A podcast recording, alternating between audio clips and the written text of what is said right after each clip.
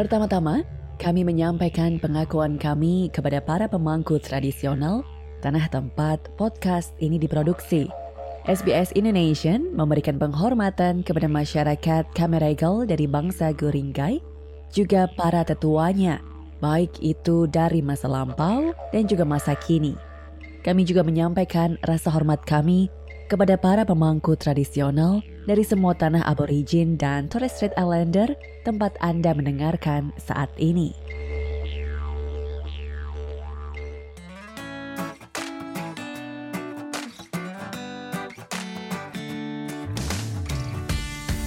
Siapa di antara kita yang tidak memiliki kenangan mengunjungi pantai di bagian mana pun di dunia ini? Bahkan jika Anda tidak ingin berenang, memandang laut, dan merasakan berjalan di atas pasir, memiliki kekuatan transformatif tersendiri.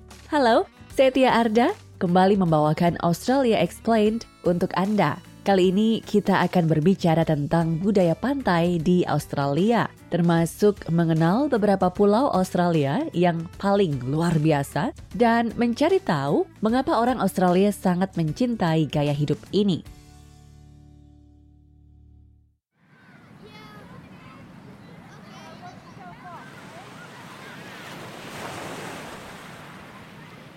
Bagi para pecinta laut, Anda tentu akan sangat tertarik mendengar bahwa Australia adalah rumah bagi lebih dari 10.000 pantai.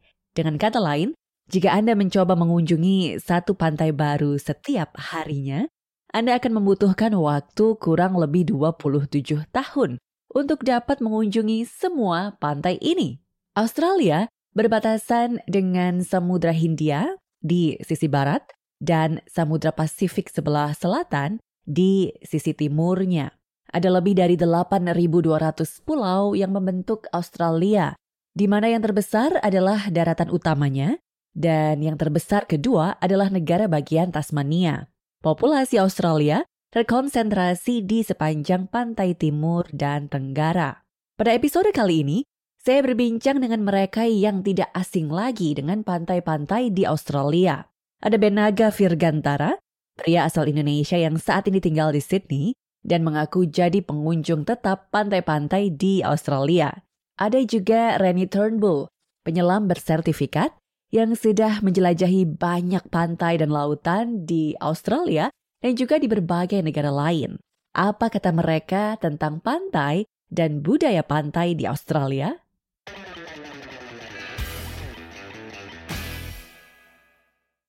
Perbedaannya jadi di Indonesia kebanyakan itu biota lautnya, flora faunanya itu lebih ke tropical. Jadi tergantung iklim juga. Jadi um, apa marine life itu mereka juga tinggal habitatnya sesuai dengan iklim.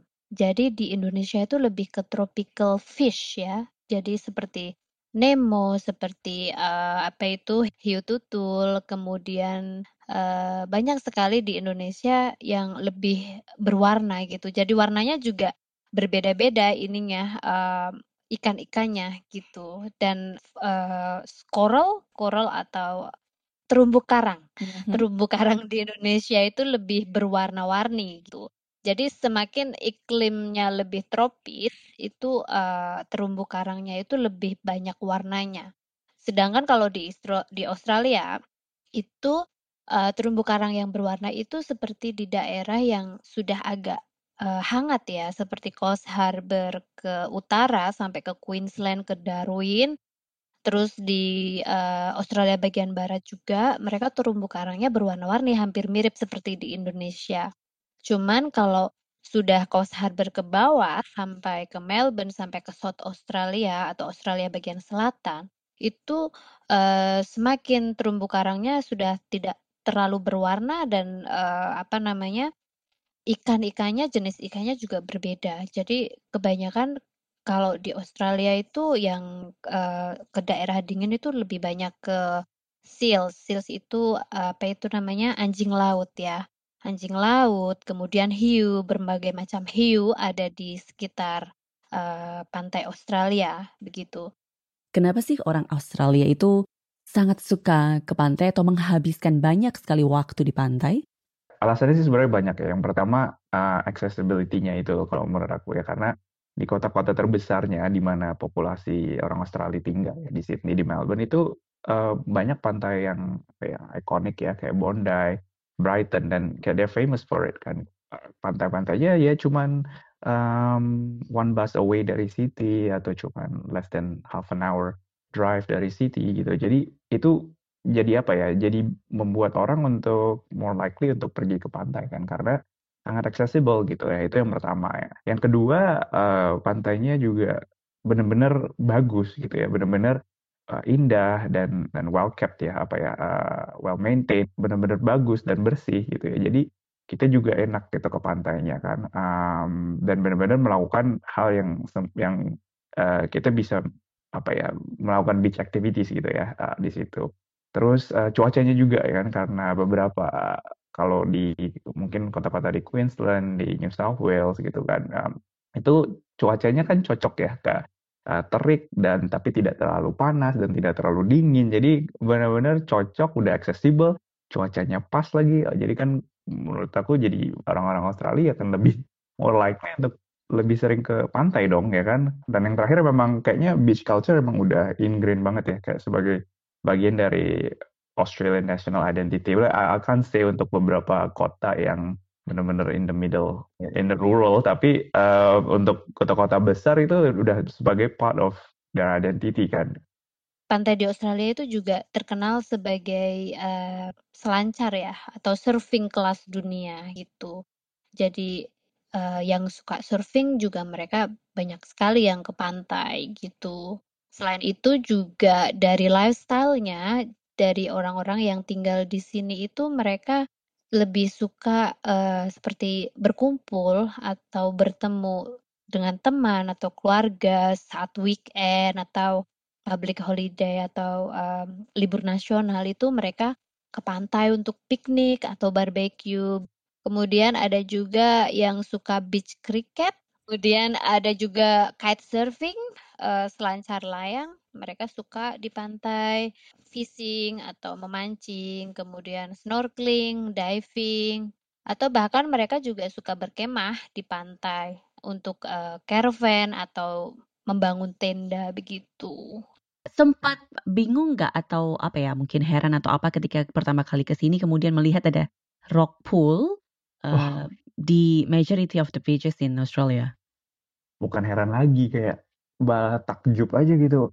Kayak wah ini like is this really a thing? Gitu. Dikirain cuma ada satu di di apa ya kayak uh, kalau kita jalan dari Bondi ke Kuji kan ada, yeah. kayak pertama oh kok ada kok ada apa ini? Kok ini kayak kayak ada swimming pool tapi kok dari batuan dan gratis lagi? Gitu yeah. kan. yeah. dan pemandangannya bagus lagi gitu. Itu benar-benar takjub banget sih. Eh ternyata kayak in almost every single beach itu pasti ada poolnya. Dan itu kayak takjub banget sih benar-benar uh, sometimes I wonder kenapa orang tuh pergi ke Bali misalnya kayak untuk ngelihat pantainya padahal kayak wah pantai di Australia kayak it's like a lot better deh kalau untuk dipakai untuk ini ya recreational untuk uh, main-main di pantainya. Resort di pesisir pantai ini mulai bermunculan di seluruh negeri ini pada awal tahun 1900-an.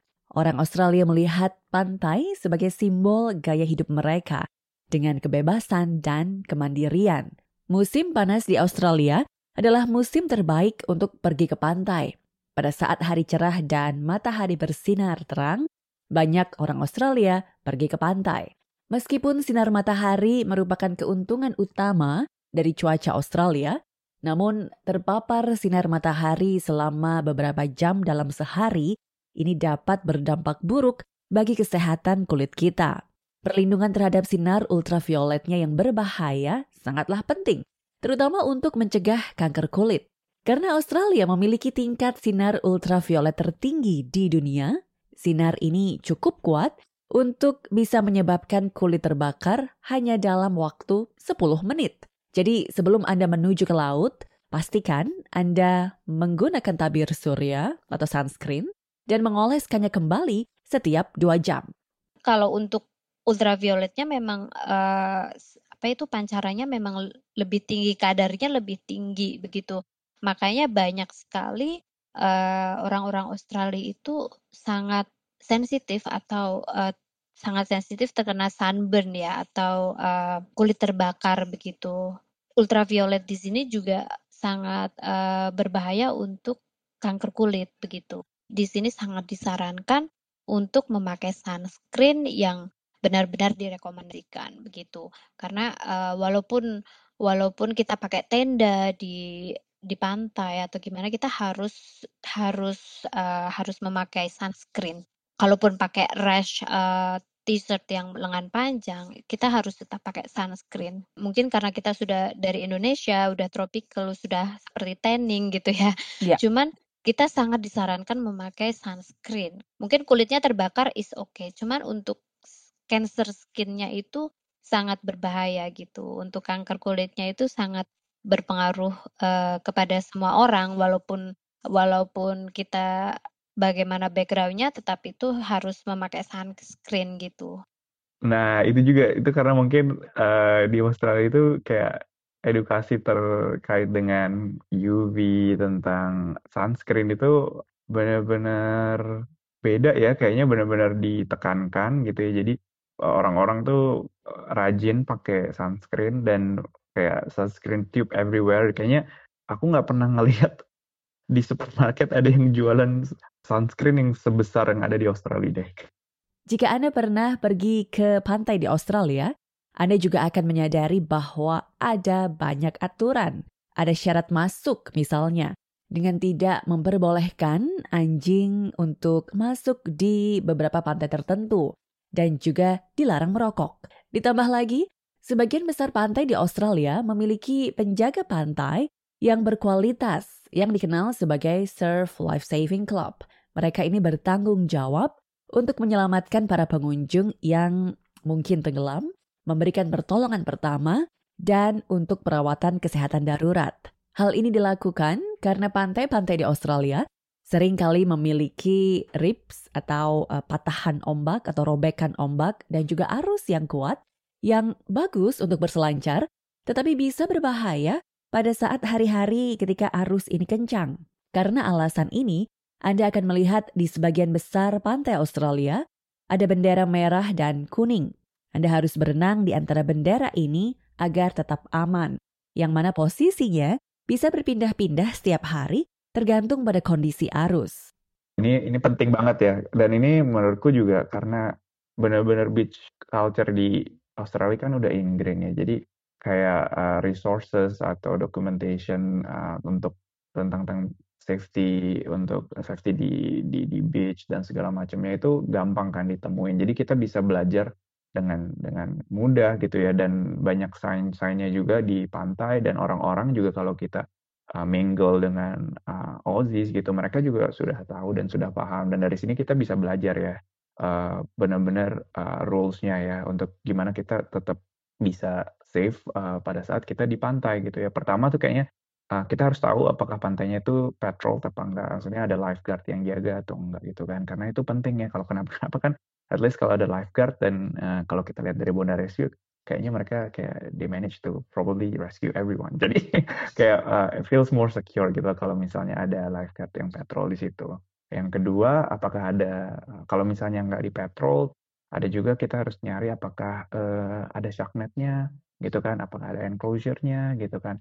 Karena uh, kalau ada shark netnya kan mungkin kita juga berenang lebih tenang ya kalau misalnya nggak takut kalau misalnya ada ada sharks atau ada hiu atau semacamnya gitu. Terus uh, tadi juga disebutin rock pool gitu ya kalau memang kita takut kita terseret ke yang dalam atau we're not a really good swimmer, mungkin instead of probably swim di pantainya bisa di rock poolnya aja gitu kan. Karena kan itu kan lebih terjaga ya maksudnya nggak kita nggak akan kebawa ke, ke tengah laut kan di situ. Nah itu itu yang kalau menurut aku penting. Dan dari situ juga kita harus belajar kalau misalnya di di tempat yang nggak patrol, nggak ada nggak ada shark net dan nggak ada rock pool, misalnya kita uh, mau berenang di laut apa di pantai lepas gitu ya yang uh, yang kosong, uh, kita harus tahu cara ngebaca rips ya. Aku belajar gimana ngebaca rips gitu kan itu pas lagi udah di Australia sih. Yang terakhir sih lebih kayak uh, sebelumnya juga kita udah tahu ya kalau berenang kalau bisa jangan sendiri sih. Kalau bisa sama teman gitu ya kecuali kita berenangnya di kalau ini yang di laut yang dilepas ya di pantai lepas kalau di kalau pantainya ada petrol, ada ada atau rockpool itu sih nggak apa-apa sih kalau menurut aku. Tapi kalau di pantai lepas gitu, kalau bisa jangan sendiri. Orang Australia menyukai segala jenis olahraga air, tetapi selancar atau surfing adalah salah satu ikon budaya pantai di Australia. Freshwater Beach di Northern Beaches di Sydney sering dikatakan sebagai lokasi awalnya di mana The Duke of Hawaii, perenang olimpiade terkenal dan peselancar dunia, mengendarai ombak di sana pada tahun 1915.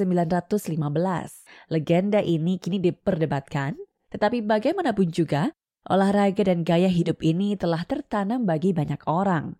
Pada tahun 1956, sekelompok orang asal California yang berkompetisi di Olimpiade Melbourne membawa papan selancar Malibu mereka dan memperkenalkan selancar modern ke benua ini.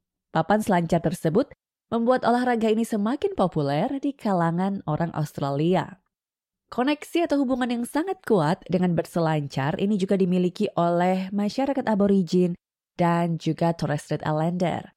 Jordi Campbell adalah pria muna-muna yang sekarang tinggal di Wadawurung Country di Victoria.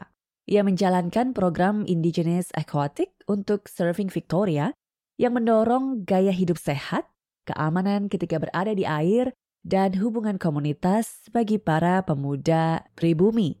Jordi telah berselancar sejak ia masih kecil dan merasa bahwa laut menjadi tempat penyembuhan baginya.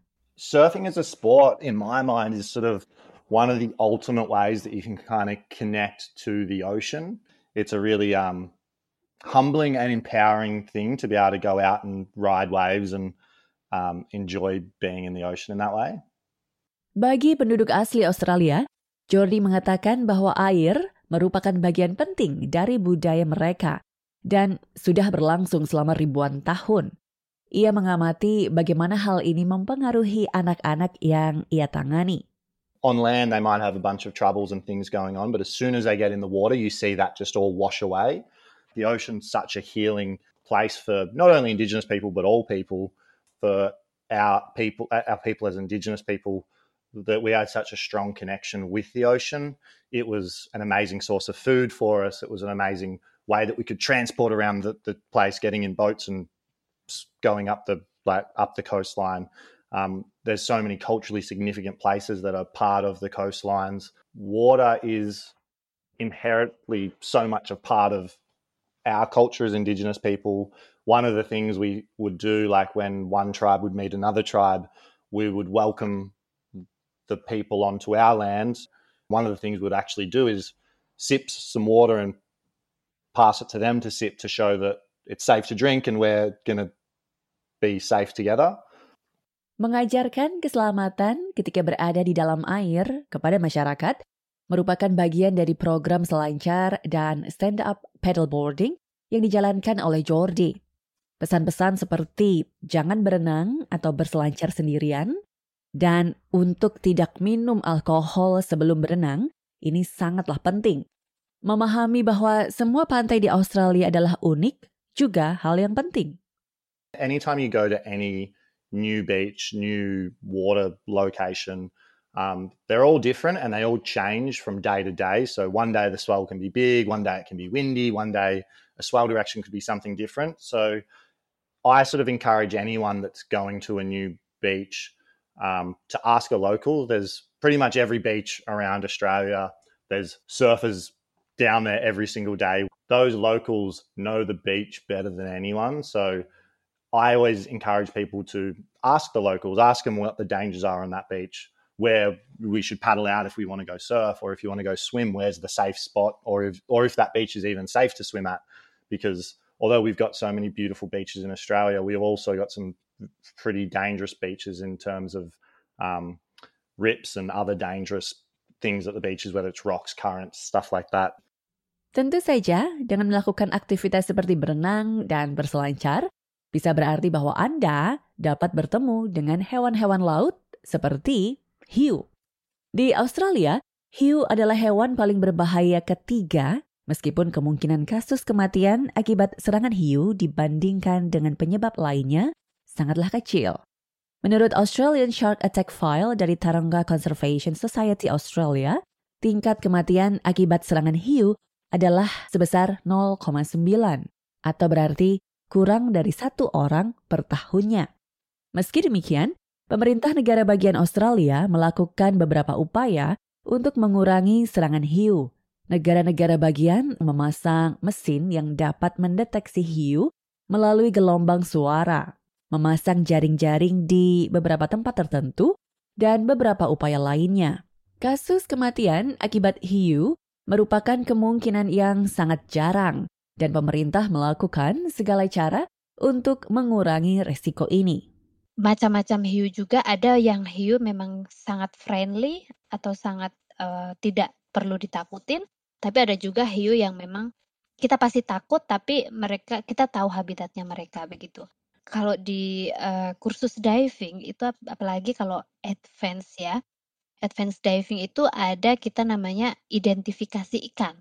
Jadi nanti kita dikasih buku, kemudian kita uh, dikasih lihat tuh identifikasi ikan-ikan hiu, terutama ikan-ikan hiu itu ini hiu apa, hiu apa begitu kayak misal hiu reef, hiu grainers reef itu yang or, or grainers shark itu yang uh, kita bilang sih seperti uh, pet buat pet ya, seperti hewan peliharaan. Mereka itu nggak menakutkan gitu. Ada jenisnya, uh, itunya siripnya bagaimana, warnanya bagaimana, begitu. Kemudian ada great white shark yang sangat menakutkan, itu, uh, bagaimana jenisnya, itu ada saat kita identifikasi ikan waktu kursus diving. Kalau ocean swimming aku agak takut sama hiunya gitu kan. Hmm, jadi adakah pantai-pantai di Australia yang direkomendasikan untuk dikunjungi? Kalau di Australia ada pantai yang saya sangat sukai itu di Cable Beach, itu di Broome di Australia bagian barat. Jadi pantainya sangat indah, menarik dan panjang seperti di Gold Coast, cuman berbedanya di sana itu daerah yang sangat sepi begitu. Kemudian uh, kita bisa melihat sunset. Jadi di pantai Broome ini di Cable Beach ini jarak pandangnya itu ke Indian Ocean ya jadi ke Samudra Hindia. Jadi kalau misal sore hari kita bisa melihat sunset turun gitu. Bondi, Bondi Beach, New South Wales saya pernah. Kemudian Byron Bay di New South Wales, Gold Coast, uh, kemudian di Manly Beach, kemudian Bear Island, Jervis Bay, Nelson Bay, Balmoral Beach, kemudian ada Clifton Garden di di Sydney ya.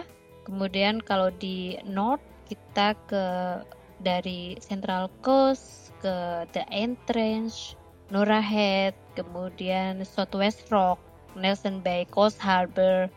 Kemudian aduh hampir hampir banyak sekali karena memang uh, pantai di Australia itu sangat uh, menarik Mulai dari surfing carnival dan acara budaya nasional hingga liburan keluarga di tepi laut, pantai-pantai Australia merupakan simbol budaya negeri ini dan menyatukan jutaan orang terlepas dari di sudut mana pun mereka tinggal di benua ini.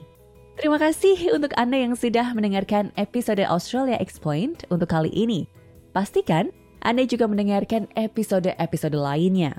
Podcast Australia Explained dibawakan dan diproduksi oleh saya, Tia Arda, dengan dukungan dari eksekutif produser SBS Indonesia, Ricky Onggokusumo, juga Max Gosford, Mert Balkanli, Caroline Gates, Rachel Sibley, dan Lee Harding. Australia Explained awalnya diproduksi oleh Maram Ismail untuk SBS Arabic 24. Untuk mengetahui lebih banyak lagi konten dari SBS Indonesia, kunjungi website sbs.com.au/indonesian.